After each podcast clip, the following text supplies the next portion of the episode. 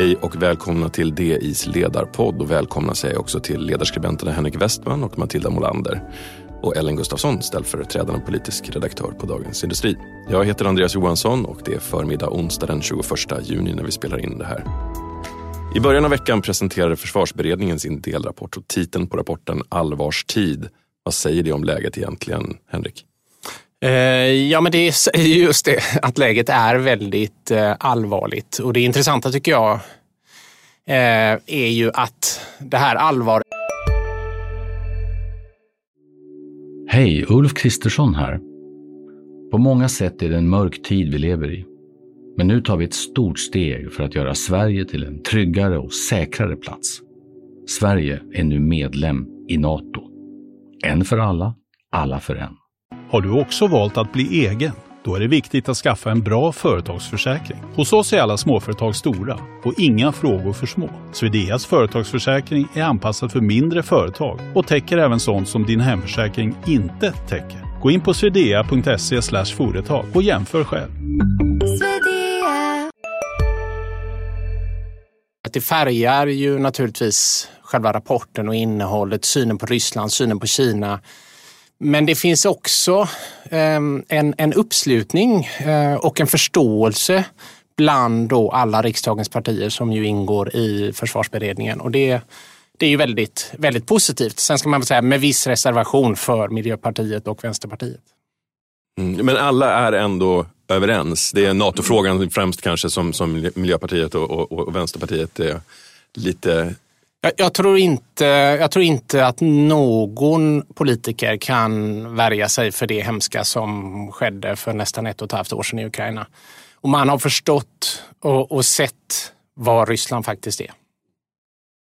Men Ryssland upptar ju såklart en stor del av rapporten, men, men det är främst eh, formuleringarna kring Kina som du reagerar på, Henrik. Kan du utveckla? Ja, det, det tycker jag är intressant. Eh, det finns ju eh, en helt annan vokabulär. Eh, man använder en helt annan vokabulär kring Kina. Eh, man ser Kina som ett eh, större hot och tycker jag känns som ett, ett, ett farligare hot än vad Ryssland är. Ryssland är ju naturligtvis ett konkret militärt hot, det säger man. Man säger att en, en attack på Sverige inte kan uteslutas, men Kina är ju egentligen en mycket, vad ska man säga, farligare potentiell fiende för de, de är så stora och mäktiga rent ekonomiskt. Eh, Rysslands ekonomi är ju liten, tillsammans så är den inte större, eller den, den sammanlagda nordiska ekonomin är, är ju större än den ryska. Eh, och det där, eh, det där gör ju att Kina blir mycket svårare att hantera eh, och för USA så är ju, så är ju det självklart eh, så att Kina är liksom huvud huvudantagonisten och den som man då är i någon sorts konfrontation med sedan faktiskt flera år. Och det färgar också eh, försvarsberedningens rapport tycker jag. Mm. Vi ska grotta ner oss lite mer i, i just Kina-frågan. Men Ellen, du är precis hemkommen från en säkerhetskonferens, Swedish Security Forum. Vad var försvarsberedningens rapport en snackis där? Ja, eh, försvarsberedningen inledde faktiskt konferensen. De satt på scen och berättade om vad de, vad de kommer fram till. Och eh, men precis som Henrik redan har varit inne på, det är Ryssland då som, som målas upp som det långsiktiga hotet eh, och det som svensk försvarspolitik måste utformas Eh, Eh, utifrån. Och de beskriver Ryssland idag som neostalinistiskt. Eh, det är ett land med eh, imperialistiska visioner, eh, det är ett rustat land eh, och att vi då också måste ta i beaktande risken att kriget i Ukraina faktiskt eskalerar till Europa. Och det var väldigt ofta som de underströk det som ju är titeln för hela det här dokumentet, allvarstid. Och eh, som vi också varit inne på, det, det, finns ju ett väldigt stort konsensus kring detta och det var också påtagligt. Det var också en, eh, någonting som man eh, noterade och pratade om. Eh, och eh, det var ju liksom tonen då som sattes för hela den här konferensen och ja, den enda punkten då där det faktiskt skiljer sig egentligen mellan partierna det är ju frågan om NATO där V och MP reserverar sig. Vilket ju egentligen är ganska anmärkningsvärt givet när man har målat upp den här, den här omvärldsbilden. Eh, men de andra däremot beskriver det då med rätta som att eh, det, att gå med i Nato är det viktigaste säkerhetspolitiska beslutet på 200 år. Eh, och sen en annan eh, poäng som jag tycker är värd att nämna och välkomna är just en, en, ett erkännande eh, om att nästa gång vi är i stabila tider så ska man inte rusta ner utan vi måste bibehålla en beredskap och ett försvar för om det dyker upp sådana här situationer. Mm. Kina då? Vad pratar man om?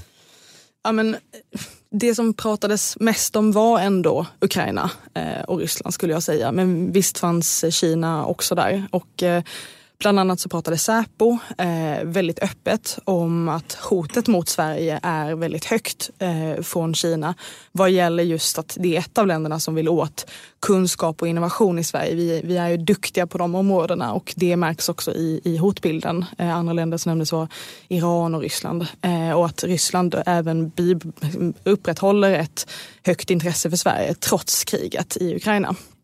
Sen är väl frågan liksom hur man hanterar de här Eh, riskerna på ett rimligt sätt kopplat till teknologi och information och kunskap. Eh, jag var med i ett panelsamtal om, om geopolitiska spänningar eh, där vi bland annat då pratade om riskerna med handelspolitik och industripolitik och vad det eh, liksom övergår i eh, när det är de här, framförallt USA och Kina eh, som är i fokus för den här maktdemonstrationen. Eh, och det finns ju som sagt, det, det, är bra att det finns en medvetenhet, att man eh, nu vidtar åtgärder för att se till att vi har en, liksom, att vi inte är naiva kring de här hoten som finns. Men Risken är också att det här delar upp världen eh, och bryter sönder globala eh, värdekedjor och det har vi också sett exempel på. Och faktumet att, att de här stora aktörerna är medvetna om riskerna märks ju också nu eh, häromdagen när Antony Blinken, USAs utrikesminister, träffade Xi Jinping i Kina. Och det, det sades ju vara för att konkurrens inte ska övergå i konflikt, vilket ju också visar på en medvetenhet att det finns, det finns där i korten att det skulle kunna bli så.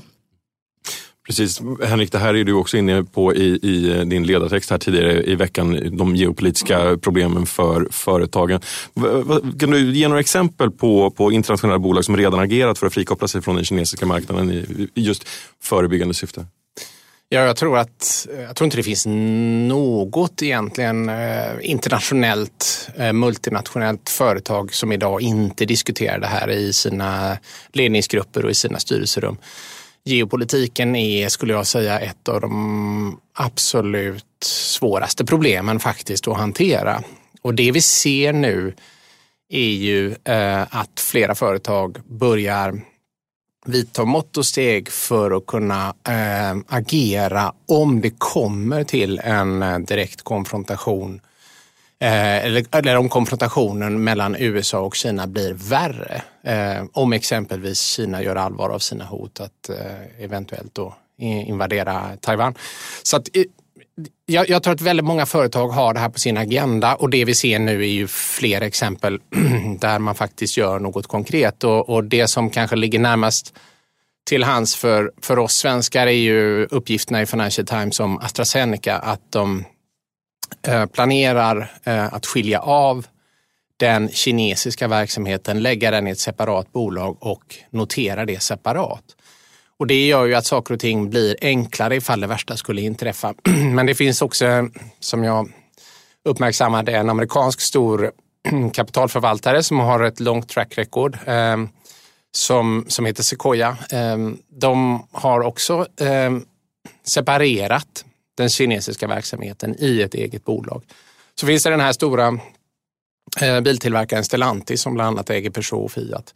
Eh, som också har uttryckt eh, att, att de, de överväger att stänga ner tillverkning i Kina. Och det har bland annat med geopolitiken att göra. Så att jag tror att det här finns det här finns på alla företags radar. Eh, och det intressanta med Astra tycker jag det är ju att det är ju en del av det man brukar kalla för Wallenbergsfären och i Wallenbergsfären ingår det ju flera stora svenska bolag som har verksamhet i Kina i, i olika grad. Eh, och det man undrar då är ju pågår, pågår samma förberedelser även där och det tror jag att man faktiskt kan utgå ifrån. Det som också är intressant i detta är att företag tar de här besluten och eh, har, har det här på sin radar eh, alldeles om man säger så, oaktat politiska beslut eller de facto restriktioner. Eh, man, man är ju så att säga förberedda på detta och bara de geopolitiska spänningar som finns eh, tvingar helt enkelt företag att ha en beredskap för, för att det kan eskalera och bli bli värre. Eh, det tycker jag också är, är värt att ha med sig. att bara, bara de politiska riskerna om vad som kan hända eh, är, är stora kostnader och tvingar företag att, att ha en beredskap för hur man ska agera i det fallet. Sen, sen som, som du har varit inne på Ellen, det, det, är ju, det, det, finns ju någonting i, i grund och botten väldigt, väldigt positivt här och det är ju liksom handeln mellan, mellan Kina, mellan EU eh, och eh, USA. De är ju varandras största handels eh, och det är ju någonting som, som faktiskt talar för att man inte kommer få eh, den här konfrontationen utan att man kommer båda inse vilket högt pris det skulle innebära. Matilda? Nej, men, eh, jag, jag tänker att man ska se den här eh, eh, försvarsberedningens rapport och kan man också se i relation till liksom hur Nato har förändrat sin strategi de senaste åren och, och synen på Kina. Jag tänker att man ser ju, menar, medan Ryssland är, ja, de kan störa den globala ordningen men Kina kan ju omskapa den och Kina vill omskapa den. Eh, och det jag tänker att man ser, som med Ukraina, det är många som säger att så här, ja, men vi, vi borde ha sett det komma och det var på väg under lång tid. Det började ju redan för tio år sedan med eh, invasionen av Krim och så vidare. Men vad Ukraina-kriget visar oss är ju hur snabbt det ändå kan gå när det, när det väl händer. Eh, så att det finns ju verkligen all anledning för svenska bolag att fundera på vad gör man om det värsta händer? Hur förbereder man sig för det i ett land där man har för många bolag mycket större intressen än vad svenska bolag hade i, i Ryssland. Mm. Precis. Jag, jag, tycker också att man märker den här skillnaden på något sätt att, att Ryssland är det stora militära, liksom, eh, geografiskt nära hotet just nu. Men eh, Kina är en ekonomisk och politisk fara eh, på, och framförallt kanske på sikt. Och det här är ju det som gör situationen med Kina så jobbig. Det är ju som vi har varit inne på. Det här är eh, Sveriges största handelspartner i Asien. Det är en av världens största ekonomier, en enorm hemmamarknad. Eh, handeln mellan USA och Kina är rekordstor. Eh, det är en integrerad del i många globala värdekedjor. Det är inte enkelt att bryta sig loss från. Och det, det är ju många företag som, som också målar upp det nu när den här konflikten har blivit mer känslig, kanske det senaste, de senaste åren eller det senaste året framför allt. Att man kan inte enkelt bryta sig loss utan det är så att säga en, en process. Men vi ser ju som sagt företag som redan nu tar de här besluten. Vi hade ju också i tidningen häromdagen om eh, Stora Enso, om Essity, AB Volvo som också har tagit beslut som man, man, man kan tänka sig att det finns eh, geopolitiska spänningar i grund och botten för hur man har agerat. Och, och, och, kanske är det så att man kommer hitta liksom en, en, vad ska man säga, en ny nivå på globaliseringen. Där liksom en del av den här lite naiva synen på Kina, den är, den är borta. Ehm, och man, man ser vad Kina är, men man ser också fördelarna med att fortsätta handla jag tror att det är viktigt att man hittar en balans i detta så att vi inte har, vi får inte gå från att ha varit för naiva kring Kina till att det blir full on handelskrig och protektionism och det är väl egentligen det som det finns en risk kring just nu. USA använder ju handelspolitik väldigt frekvent under Biden, inte bara under Trump, för att eh, som en strategi mot Kina. Eh, man har olika former av handelsrestriktioner, man vill få med sig sina allierade kring det. Nederländerna och Japan har hakat på. Eh, man lägger press på andra EU-länder att man ska följa samma linje. EU eh, eh, la fram ett förslag, om jag förstod det rätt, igår. Jag hörde det bara snabbt på radio i morse. Eh, men det handlar i alla fall om att man ska granska investeringar som sker i, i andra länder eh, från Europa. Det tycker jag låter eh, lite märkligt. Så att det handlar om att hitta den här nya balansen där vi inte får vara naiva kring Kina men också inse betydelsen faktiskt som de spelar i, i den globala ekonomin och för företag. Det något jag tänker på också är att eh, alltså det stora hotet från Kina, det som väl kan sätta världsekonomin verkligen i gungning som man pratar om, det är ju ifall Kina skulle så att säga göra en Putin och eh, välja att invadera Taiwan. Eh, och där det är ett väldigt skrämmande scenario men det är också ett scenario som vi det finns ett sätt att, att motverka och det är ju att se till att Putin inte lyckas i Ukraina och att verkligen visa att världen kommer, stö, kommer gå emot den här typen av försök. Vilket då gör eh, det mycket mindre attraktivt för Kina att försöka något liknande. Det är väldigt tydligt att Xi Jinping har följt det som hänt i Ukraina väldigt noga. Jag tror att han och många andra eh, har varit väldigt förvånade över vilket starkt eh, svar det har varit från västvärlden.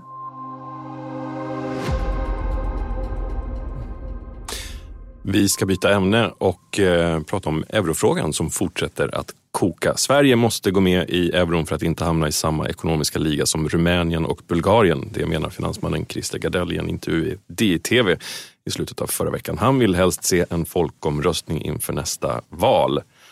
Vad är det säger det att näringslivet fortsätter att driva den här frågan, Helen? Om jag förstår Christer Gardell rätt så handlar det mycket om svenskarnas köpkraft. Han är orolig för att svenskarna blir allt fattigare. Eh, det är, det är framförallt det som han pekar på. Han gjorde det i december också när han drog igång hela den här debatten. Ehm, och eh, nu är ju också kronan rekordsvag eh, mot, mot euron och det har ju hänt väldigt mycket ja, bara det senaste året och den senaste tiden. Eh, och det är klart att det här skaver. Vi har en välskött ekonomi och så vidare, man undrar varför det ser ut så här. Och sen är det klart att det också är, det är, det är genant som svensk, oavsett om man är företagare eller ej, att det, att det ser ut på det här sättet. Sen är det klart att det, det drabbar ju företag på olika sätt detta. Eh, bolag som importerar mycket får ju stigande valutakostnader. Det har vi också haft i tidningen en del, bland annat Lindex som har varit ute och pratat om det. Eh, sen är det vissa som menar att det här också kan ha sina fördelar. Eh, det vill säga idén om att en svag valuta gör att vår export ökar när det blir billigare att, att köpa svenska varor. Och det finns väl två problem med detta. Eh, dels så är inte världen eh, riktigt lika enkel idag eh, där exportbolag enbart är eh, exportbolag och har verksamhet i Sverige. Utan man är ju i, liksom, i större grad beroende av andra länder också. Eh, alla är någon mån integrerade i globala värdekedjor och importerar och det innebär att även exportbolag kan drabbas av en svag valuta. Och sen en annan fråga som, som Jakob Wallenberg varit inne på. Det handlar ju om att eh, trycket på att effektivisera och öka vår konkurrenskraft minskar eh, genom en dopad billig valuta. Så att det finns ju flera problem för företagare eh, i många olika aspekter kring detta och för svenskar i, i, i generell mening. Ja, och jag, ja, det finns ju också väldigt stora problem för hushållen faktiskt. Och jag tycker det, det som är lite kusligt nu det är att vi har en riksbank som försöker bekämpa inflationen och samtidigt så um, har vi då en krona som bara blir svagare och svagare och detta är ju inte bra för det gör att vi, allting som vi importerar blir dyrare så det är inflationsdrivande. Så det, det, det är väldigt, väldigt dåliga nyheter för, eh, för hushållen också det här. Och sen har man då naturligtvis den här omedelbara, eh, vad ska man säga, tråkiga aha-upplevelsen eh, när man eh, åker in i ett land där man måste betala med euron. Sen ska man väl komma ihåg att kronan är svag, ja, men det är också euron som har blivit stark. Ehm, till följd av, av eh, ECBs räntebeslut här i förra veckan och framförallt vad de sa om räntehöjningar framåt. Så att vi har liksom vi har, vi har den kraften och sen har vi den svenska kronan. Och på, på sätt och vis så är det ju faktiskt obegripligt. Ehm, I, I teorin så ska ju en, en valuta stärkas när man höjer räntan men, men det har vi inte sett. Vi har istället en krona som är liksom lika lika svag och skadad som den var i samband med finanskrisen 2008-2009. Det är mycket märkligt faktiskt. Mm. Och den här, den här växelkurskanalen eh, där, där man höjer inflationen eh, genom en svag valuta. Det har ju också varit någonting som Riksbanken har varit väldigt öppna med. att man har, ja, men Det har varit ett sätt som man har eh, nått inflationsmål tidigare. Och det är klart, Riksbanken har ett, de har ett inflationsmål, de har inte ett, ett valutamål. Eh, och det, idag så kan man också se då, eh, delvis priset, priset för det. Det är företagen som har drivit den här frågan som sagt. Men Ellen, du är inne på i din ledartext i, i måndags att det är nu det kommer gå upp för hushållen när man börjar resa på sommaren och ser exakt hur svag eh, den svenska kronan är. Det, kommer, det är dyrt att vara svenskt konstaterar du. Kommer det här att bli en, en större, bredare fråga nu? Jag tror det. Ehm, Framförallt, som sagt, den, den svaga valutan har påverkat svenska köpkraft eh, under en tid. När vi pratar om att det är dyrt att vara svensk och allting från el och bensin till, till kanske framförallt mat. Eh, där finns valutan som en faktor till varför det har blivit så dyrt. Eh, när, när som sagt den svaga valutan har gjort det dyrare att importera och det är mycket som vi importerar till Sverige såklart. Så att när vi pratar om att det är dyrt att vara svensk så har vi inte ofta kopplat det till valutan. Men även i, på hemmaplan så finns den svaga valutan där som en faktor och det tycker jag är viktigt att, att poängtera. Men det är klart att när man åker utomlands så står det ju bortom tvivel att det är eh, hur svag den svenska kronan är. Det är ju egentligen omöjligt att åka i princip någonstans utan att man kommer att drabbas av den här chocken. Man kan ju knappt åka egentligen till Köpenhamn. Eh, den danska kronan är peggad till euron. Så att, svenskar som åker utomlands eh, kommer att eh, obarmhärtigt drabbas av att vi har en väldigt svag skvalpvaluta. Och eh, det, det är egentligen det som, eh, jag, jag tror att det kommer att elda på den här debatten ytterligare när det finns en medvetenhet eh, hos befolkningen som kanske inte är lika stor idag för att vi inte har pratat om det. Och det är ju faktiskt väldigt många svenskar som, som planerar att åka utomlands trots att det är dyrt, eh, dyrt på hemmaplan och att man pratar om det här svåra ekonomiska läget. Det kom undersökningar om att det var nästan hälften av tillfrågade personer som planerade en utlands, eh, utlandssemester den här sommaren. Så jag tycker det ska bli intressant att se vad som händer med den här debatten efter sommaren och under det här året. Om man tittar på den politiska viljan då så sa finansminister Elisabeth Svantesson eh, att införa euron är inte aktuellt. Den frågan finns inte på bordet. Sverige har en svensk krona och vi har redan haft en folkomröstning om detta. Samtidigt så sa Johan Persson här i, i DI-TV också i, i veckan att eh, han, han, eh, tycker att kronans sjunkande värde stärker argumenten för att byta valuta, valuta till euron. Det verkar inte som att de är riktigt överens här. Att säga att euron inte är aktuell för att Sverige har en svensk krona kan vara det sämsta argumentet jag någonsin har hört i någon fråga faktiskt. Eh, jag tycker inte vi kan behålla kronan för att det skulle finnas något symbolvärde i att vi har Karl XVI Gustav på, på våra mynt. Eh, det blir... Hej, Synoptik här. Hos oss får du hjälp med att ta hand om din ögonhälsa. Med vår synundersökning kan vi upptäcka både synförändringar och tecken på vanliga ögonsjukdomar. Boka tid på synoptik.se. Ni är med om det största. Och det största är den minsta. Ni minns de första ögonblicken. Och den där blicken gör er starkare. Så starka att ni är ömtåliga. Men hittar trygghet i Sveriges populäraste barnförsäkring. Trygg Hansa. Trygghet för livet framförallt också magstarkt när det kommer från samma politiker som i valet stod och pratade om att det är dyrt att vara svensk och att man fullkomligt avfärdar den här frågan med så dåliga argument. Eh, och, och vägrar lyfta upp den ens i, i diskussionen. Och sen det här med att avfärda det för att vi har haft en folkomröstning om detta. Det är också ganska märkligt. När slutar folkomröstning, en folkomröstning att vara vägledande enligt regeringen? Det, det undrar jag. Ehm, 1997 så slopade man slutdatumet om att alla reaktorer skulle vara nedstängda till 2010. Det var, ehm, ja, det var ganska, eh, ganska kort egentligen efter att man hade haft en kärnkraftsomröstning där man sa att man skulle, eh, man tog de här besluten. Eh, vi är inte mycket längre ifrån det om man jämför idag mot när vi hade euroomröstningen, det var 20 år sedan. Ehm, och sen ska man också komma ihåg att folkomröstningar är rådgivande. Ehm, man lydde till exempel inte utfallet om vi skulle ha högertrafik eller inte. Så att eh, jag tycker inte att man kan avfärda den här debatten ehm, med den typen av svepskäl. Jag tänker också på att EU, det EU vi hade i början av 2000-talet och det EU vi har nu är ju väldigt annorlunda. Integrationen av de europeiska länderna och de europeiska ekonomin har gått mycket framåt under de här två decennierna. Och det är ju framförallt en brist på integration som gör, kan göra att, eh, att, att eh, en monetär union är komplicerad. Så det stärker också argumentet för att man ska titta på det här igen. Ja, jag håller verkligen med Matilda. Jag tycker man ska titta på det igen. Jag tycker i alla fall att man ska utreda det och se vad vad som har förändrats och vad fördelarna och nackdelarna är. Jag tror ju att det stora problemet egentligen mot att införa euron nu, det är ju att kronan är så svag. Vad, vad, vad, skulle, man, vad skulle man gå med på för konverteringskurs?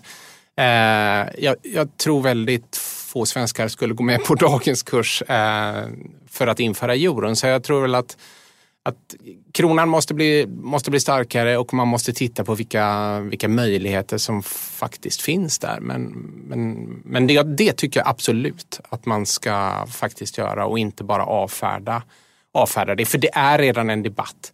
Det är redan ett problem. Och, eh, och jag tror inte regeringen kommer komma undan det. Så jag skulle inte bli förvånad om man faktiskt kommer göra det under den här mandatperioden. Mm. Alltså tillsätta en utredning. Det håller jag helt med om. Alltså frågan om vilk, vilk, till vilken kurs man skulle knyta den, det är ju en, en, jättebra och intressant fråga. Och om vi hade pratat om det så tycker jag att det skulle, det skulle vara en värdig debatt för att det är en, en genuint svår fråga. Eh, men, men vi har inte kommit dit än heller för att det tillåts liksom inte riktigt. Eh, jag tycker att det är eh, ganska sorgligt ändå eh, när, när man någonstans vägrar att föra en politik som, som utgår från de förutsättningar som gäller i Sverige idag. Jag tycker inte att man kan bedriva en politik som utifrån liksom, en folkomröstning frusen i tiden. Förutsättningar förändras och det behöver också vi anpassa politiken efter. Jag tycker att NATO är ett annat bra exempel på det. Där vände hela debatten över en natt, en vecka, några månader. Och, eh, jag tycker att man behöver i alla fall öppna upp dörren för en, för en valutadebatt också. Vi lär återkomma i ämnet. Vi ska avsluta podden med en eh, litet förhandstips. Missa inte att läsa Matilda Molander imorgon om varför varje dag i staden borde vara som på midsommar, nämligen bilfri. Eller hur Matilda? Jajamän. Hur går ditt resonemang? Ja, men mitt resonemang går ju som så här att alltså, det som är speciellt med städer är ju att ytan är ett nollsummespel.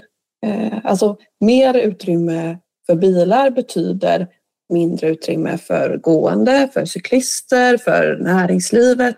Och det finns ett stort värde i att andra, eh, med, andra människor och andra transportslag än bara bilar och bilister kan ta sig fram och ta sig runt i städer. Mm, en fråga som lär engagera våra läsare. Spännande, det ser vi fram emot. Missa inte våra andra poddar, Digitalpodden, Makrorådet och Analyspodden. Ansvarig utgivare, det är Peter Fällman. Vi hörs igen nästa vecka.